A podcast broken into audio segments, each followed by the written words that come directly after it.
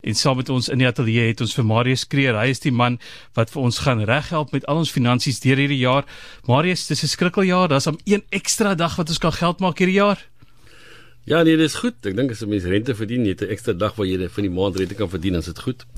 En uh ja, almal is altyd baie positief in die begin van die jaar, maar as 'n mens so 'n bietjie dieper in die jaar kyk, dan kom jy agter daar is maar 'n paar goed wat jou dalk bekommer maak.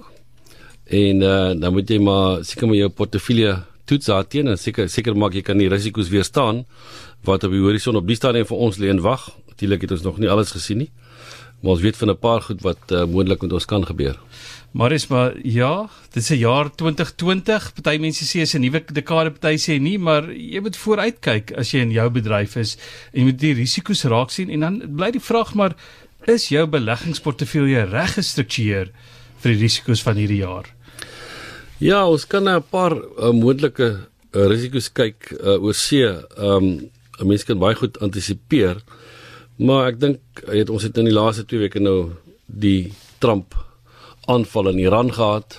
Uh ons het 'n redelike opstand in Iran omdat uh Iran vir hulle uh mense gejok het oor die vliegtuig wat afgeskiet is mm. en dit later erken het so daar's redelike opstand daar daar teenoor Iran.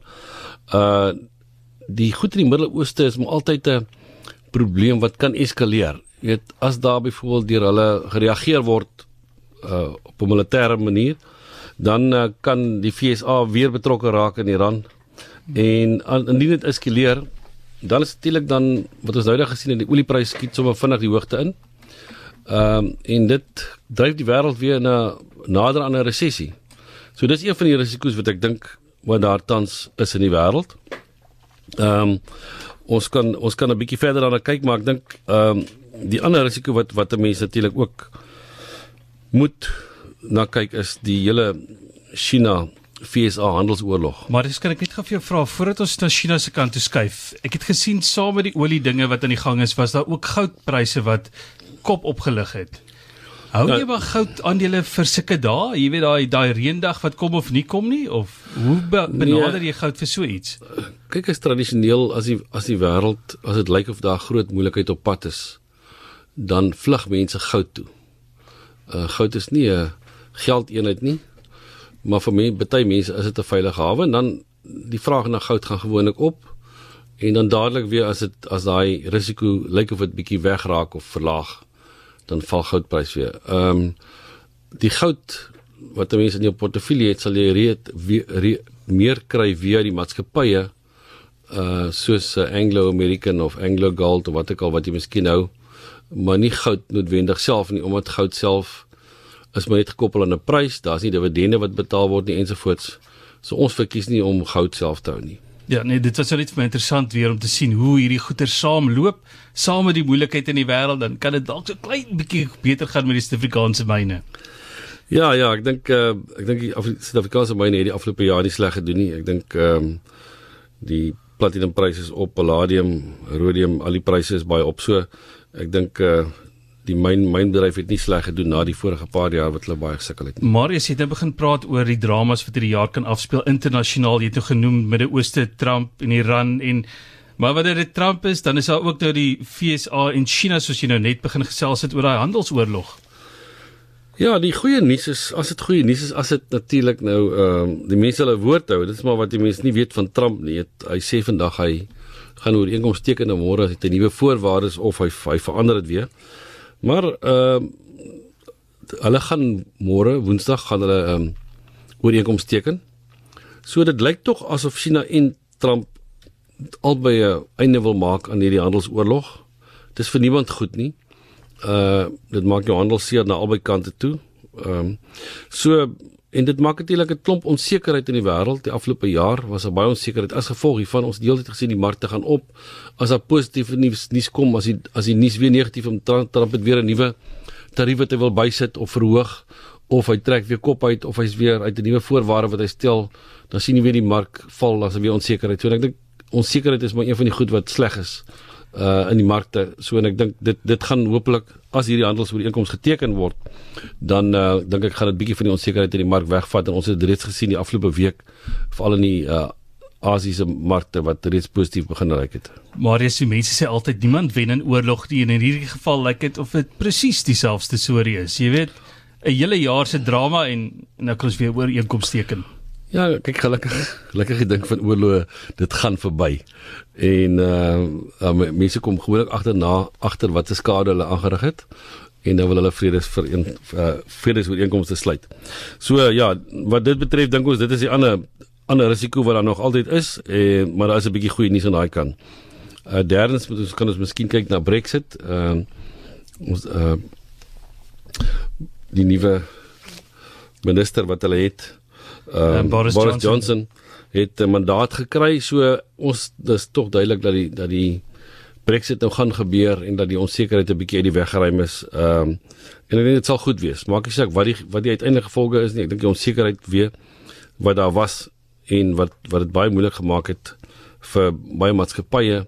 Ek dink veral in die eiendomskant het maatskappye baie seer gekry in in in die uh Brittanje en natuurlik ook in Londen Londen en baie van ons kliënte pensioenfonde was belê in baie van daai maatskappye groot maatskappye soos Capital Counties en in uh into ensovoorts het baie seer gekry. So mense het baie geld verloor daarso as gevolg van die onsekerheid Ehm um, so dit sal dit sal 'n goeie ding wees as Brexit nou uiteindelik klaar is en is aan die gang en almal weet presies waar hulle staan. Marius, ons kyk nou juis vooruit na die jaar 2020. Julle is die mense wat ons kan help as daar moeilikheid is, maar om ons te kan help, moet julle risiko's identifiseer. En ons het nou gepraat van dit wat oor see 'n uh, invloed behoort te hê. Daar's altyd nog goed wat opduik deur die jaar. Maar as ons nou op 'n plaaslike vlak kyk, wat gaan Suid-Afrika vir ons inhou? Ek dink die groot vraag uh, op die tafel tans is uh, gaan ons 'n afgradering kry? Ek het vanoggend uh, weer 'n uh, bietjie wyd gelees daaroor en baie kommentaar gelees daaroor. En dit dit as 'n mens na Moody's kyk en dan kyk wat het hulle gesê met die tussentydse begroting. Was daar nie iets wat vir hulle gelyk het asof dit afwendbaar kan wees nie? Met ander woorde, hulle het ons reeds op 'n negatiewe uitkyk geplaas. En as ons kyk wat het van daar af tot nou toe gebeur, ons die hele Eskom het weer gebeur Desember maand. Al die kragonderbrekings het dit 'n impak ge gehad op ons groeikoers. Ons groeikoers is is minder as 'n persent. Ehm um, en die vooruitskatting van die IMF e is dat ons dalk 'n persent groei gaan gaan hê in die volgende jaar. Ons het 'n bevolkingsgroei van 1.6%. Met ander woorde, jy is eintlik besig om agteruit te boer as jy nie eers dit kan kan haal nie. Ehm um, en dit lyk dit op die stadium onverwendbaar. So ek dink as 'n mens 'n beplanning wil doen, moet jy vir jouself sê die kans dat ons dit wel gaan kry is 90% plus op die stadium. Uh, ek kan nie sien dat die regering iets kan doen van nou af tot na die begroting. Ek sien daar's die staatsrede hierdie hierdie week. Iets gaan doen tot tot Februarie maand tot na die begroting en daar is nie geld om regtig groot maatreëls aan te kondig soos 'n uh, inspuiting in byvoorbeeld uh konstruksie in die konstruksiebedryf of 'n inspuiting in in die landbou wat die staat byvoorbeeld gaan doen groot projekte wat hulle aanpas pak ons het gesien dat hulle nou 300 miljoen uh, vrygestel of gaan vrystel vir die droogtehulp maar dis basies wat hulle het hulle het nie meer nie. Dis 'n dis 'n oorlewingsstrategie daai dis nie ons gaan ja, nou vooruit nie ja, dis met ander woorde weet dit wat jy wil doen kan jy nie doen nie omdat jy nie genoeg kapitaal het nie en dis dis die probleem wat die staat nou mee sit uh ons skort aan geld skort aan kapitaal. So jy wil dis soos 'n ou wat sy fabriek wil uitbrei, hy wil as nuwe geld te maak as hy sy fabriek kan uitbrei.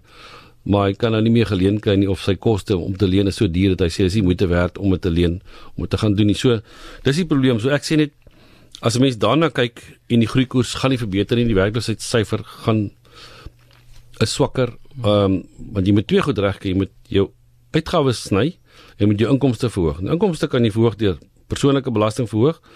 Uh BTW wat ek dink is 'n baie moeilike ding om polities te regverdig, veral na die vorige verhoging. Daar's reeds 'n verhoging gewees. Uh bietjie bietjie op die ander kant dit invoerbelasting, daai tipe goed so. Persoonlike belasting is maar die ding wat aangeval moet word. En jy sit met 'n belasting uh inkomste wat reeds gekrimp het. So jou inkomste stroom is besig om 'n bietjie weg te raak. Mense gaan uit die land uit. Uh opgeleide mense gaan uit die land uit, mense wat goeie geld verdien het. Jy verloor daai jy verloor daai belasting. So as jy daarna kyk, weet ek nie wat gaan ons red uh om nie afgradering te kry nie. So Marius, ons het so wat 'n maand of wat om te gaan voordat ons daardie begrotingsrede gaan hoor. Ons besef dis dis moeilik as daar nie geld is om mee te werk maar is daar iets wat hulle tot 'n mate kan probeer doen? Ek wil ek hoor jy sê vir my daar is 'n hmm. groot bedrag wat aangekondig word vir landbou of vir ja. vir uitbreiding. Sien maar, jy weet, is daar strooihelms om na te gryp? Ja, ek dink daar's tog 'n paar ek ook aan die ander kant wil ek dit net op 'n positiewe punt ook noem. Ek die feit dat die regering Israel onder administrasie geplaas het, wys net hulle wil nie hulle wil nie meer aanhou om regerings uh organisasies wat verliese maak ten alle koste te red soos wat in die Zuma hmm. era gebeur het nie. So dit is positief. Uh die feit dat daar persone aangestel word wat lyk of hulle die werk kan doen, 'n sekere strategiese posisie is positief. Ek dink alle instrument wat ons het in ons hand om die ekonomie nou aan die gang, bietjie aan die gang te kry, is rentekoerse wat moet verlaag. Ons sit met 'n inflasiekoers ehm um, wat die laagste is in jare. VPI is 3.4%. Ons repo koers is 6.5 uh die teiken van die Reservebank ek verstaan hulle wil dit verlaag na rondom by 4% maar was was was omtrent van 4 tot 6%. So ons is onder daai teiken as geen rede hoekom ons nie rentekoerse kan verlaag nie. Maar is terwyl jy nou op by rentekoerse is, weet jy nie gou verduidelik presies wat die VPI is en wat die repo koers is en wat hulle doen nie. Kykie, die repo koers is die uitleenkoers van die Reservebank en die verbruikersprysindeks is 'n mandjie van van pryse wat daardie indeks volmaak. Nou elkeen van ons sê ons nou ons koers lyk anderste want ons mandjie lyk anderste maar die regering kan ons nou nie almal akkommodeer nie. So jy moet 'n mandjie gaan vat en dieselfde mandjie elke keer uh gaan meet. En daai mandjie sluit kos en sluit brandstof en elektrisiteit in. Ons grootste risiko oomblik is elektrisiteit.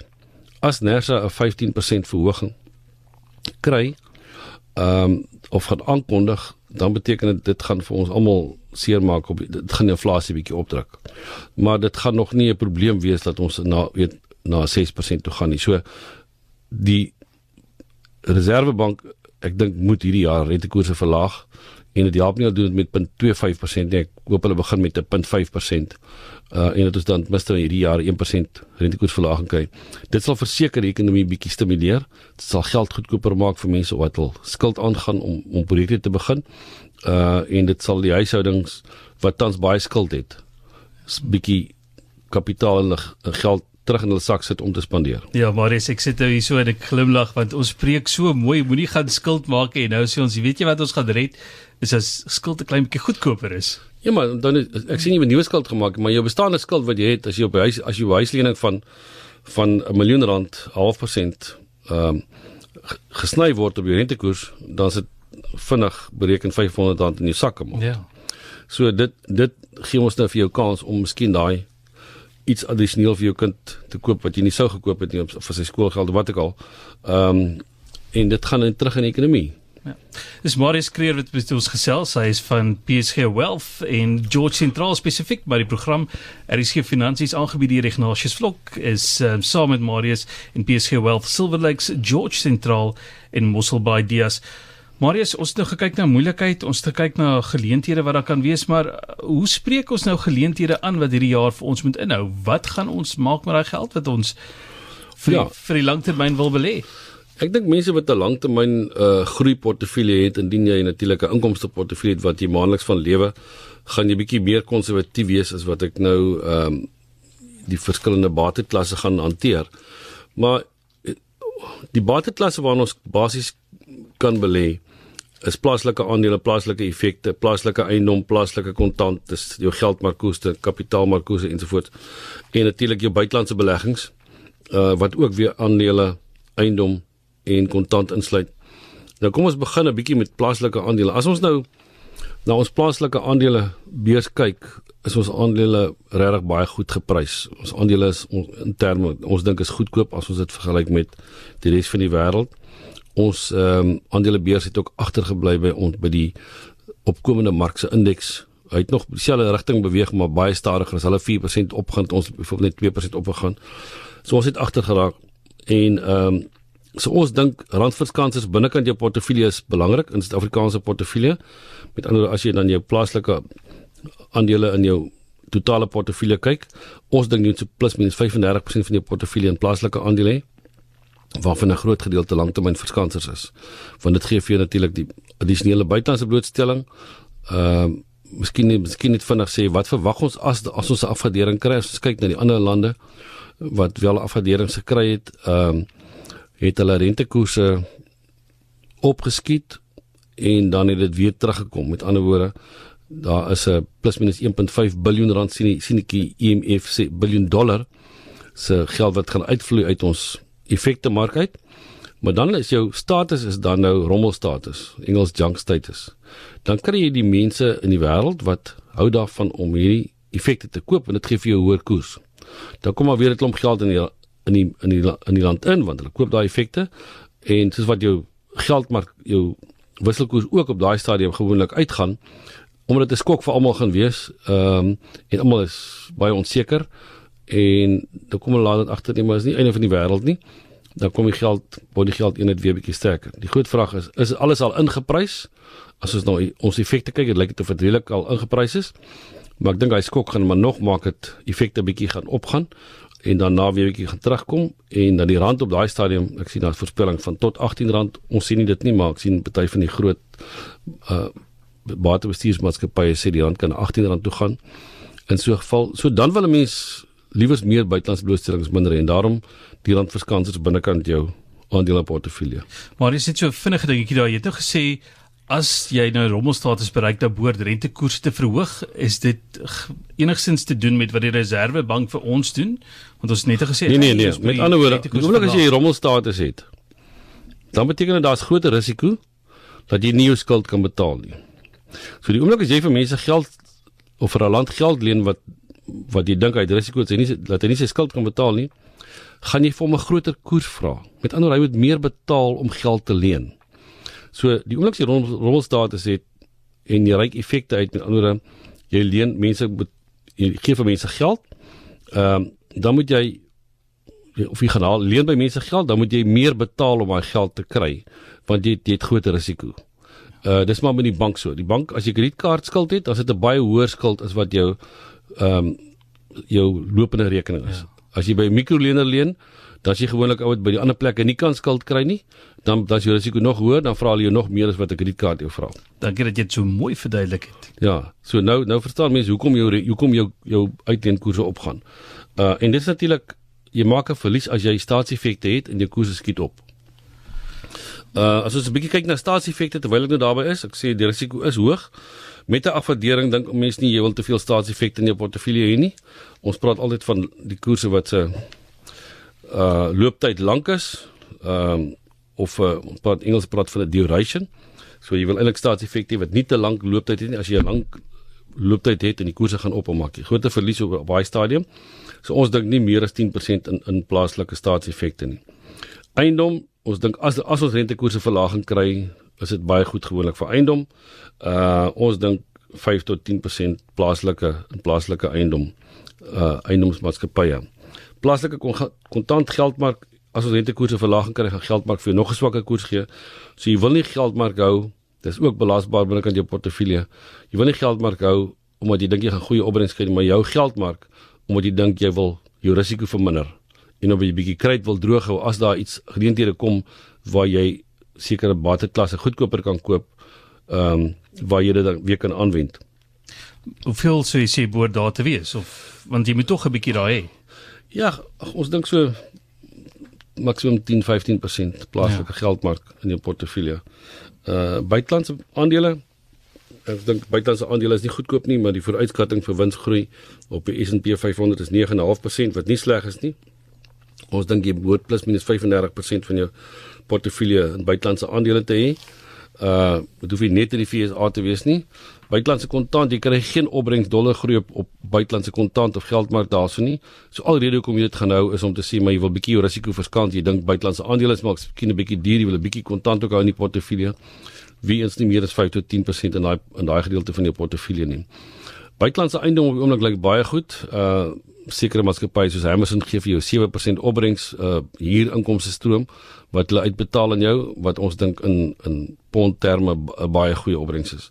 So ons dink in 'n behoort so plus minus 7% van jou geld in buitelandse eiendom te hê. As jy dan in ag neem dat jy 50% van jou portefeulje in buitelandse bates het plus jy het nog randverskansers in jou plaaslike portefeulje, het jy heel moontlik plus minus 60% aan die buitelandse blootstel 60% buitelandse blootstelling. So as die rand as die afwaardering kom uh en ons kry 'n skok, dan ek dink ehm um, is jy goed geposisioneer in hierdie portefeulje om alkante vir jou te beskerm. Marius Kreer van PSG Wealth George Sentraal wat met ons gesels. Marius, uh, dis Ignatius Vlok wat saam met jou is in RSG Finansies. Marius, jy het nou gepraat van hierdie buitelandse eiendomme van Brittanje se kant wat jy kyk, ons het van Amerika gepraat, ons het die invloed van Iran en van China het ons bespreek, maar ek sien dat Europa nou nie eintlik genoem word hier nie en hulle is tog nou maar 'n groot deel van die speletjie vir ons. Ja, as ek nou praat van 'n buitelandse eiendomsmaatskappy soos Hammerson of Into wat ek al uh hulle bates is nie net in die in die Verenigde Koninkryk nie, hulle bates oral in in in Europa. Ehm um, en natuurlik daar's ook Europese maatskappye wat mense na kyk. Ehm um, wat op die stadium nie te duur is nie. Uh maar Europa is maar 'n moeilike plek op die oomblik omdat jou demografie teen jou tel. Jy het nie baie jonger mense wat in die ekonomie inkom en daar's nie baie groei nie. So ehm um, Europa is ons 'n bietjie bietjie vervelig, maar as dit te duur op die oomblik, daar is goeie maatskappye, uh vir al die maatskappye wat wêreldwyd maatskappye is met maatskappye soos Adidas wat jy kan koop op die op, op daai beurs. Ehm um, en daar seker maatskappye ehm uh, Volkswagen wat 'n groot speler is in die wêreld en Porsche ehm um, wat baie goeie ja. wat baie goeie maatskappye is. Ehm um, en en mense kan dan kyk ook. So met die hand gaan uitsoek daarso. Ja, ek dink ek dink uh, baie mense kies fondse, baie mense kies individuele aandele. Jou portefeuljebestuurder sal wel vir jou die aandele gaan kies wat hy dink wat reg goed gewaardeer is en of die fondsbestuurders wat jy kies wat vir jou hierdie beleggings maak. Ek dink jou bateallokasie is 80% van jou sukses. Met ander woorde, waar jou kapitaal geallokeer is in die wêreld en watter bateklas, gaan 80% en dit is bewys van die opbrengs lewer wat jy moet kry. Marius, ons het nou so vinnig gekyk daar na die dinge wat vir 2020 vir ons kan inhou. As ons net vinnig weer kan deurdraf. Ons het gekyk Midde-Ooste, Trump se dinge, hy kan vir ons bietjie raak. Ons het gekyk na die FSA en China se goed, miskien goeie nuus wat ons môre kan kry as hulle hulle hulle oorlog kan stop, hulle vredesverdrag kan teken. En dan het gesê Brexit is die ander ding wat hierdie jaar op die tafel is wat nou rigting begin kry. So internasionaal is drie dinge waarna ons moet kyk. As jy kyk na die plaaslike mark dan is dit nou maar waar skuldvlakke is en hoe dit geraak gaan word met afgraderings en sulke dinge. So die tydlyn waarna ons op hierdie stadium kyk waar hierdie goed ons gaan tref, voel so vroeg in die jaar.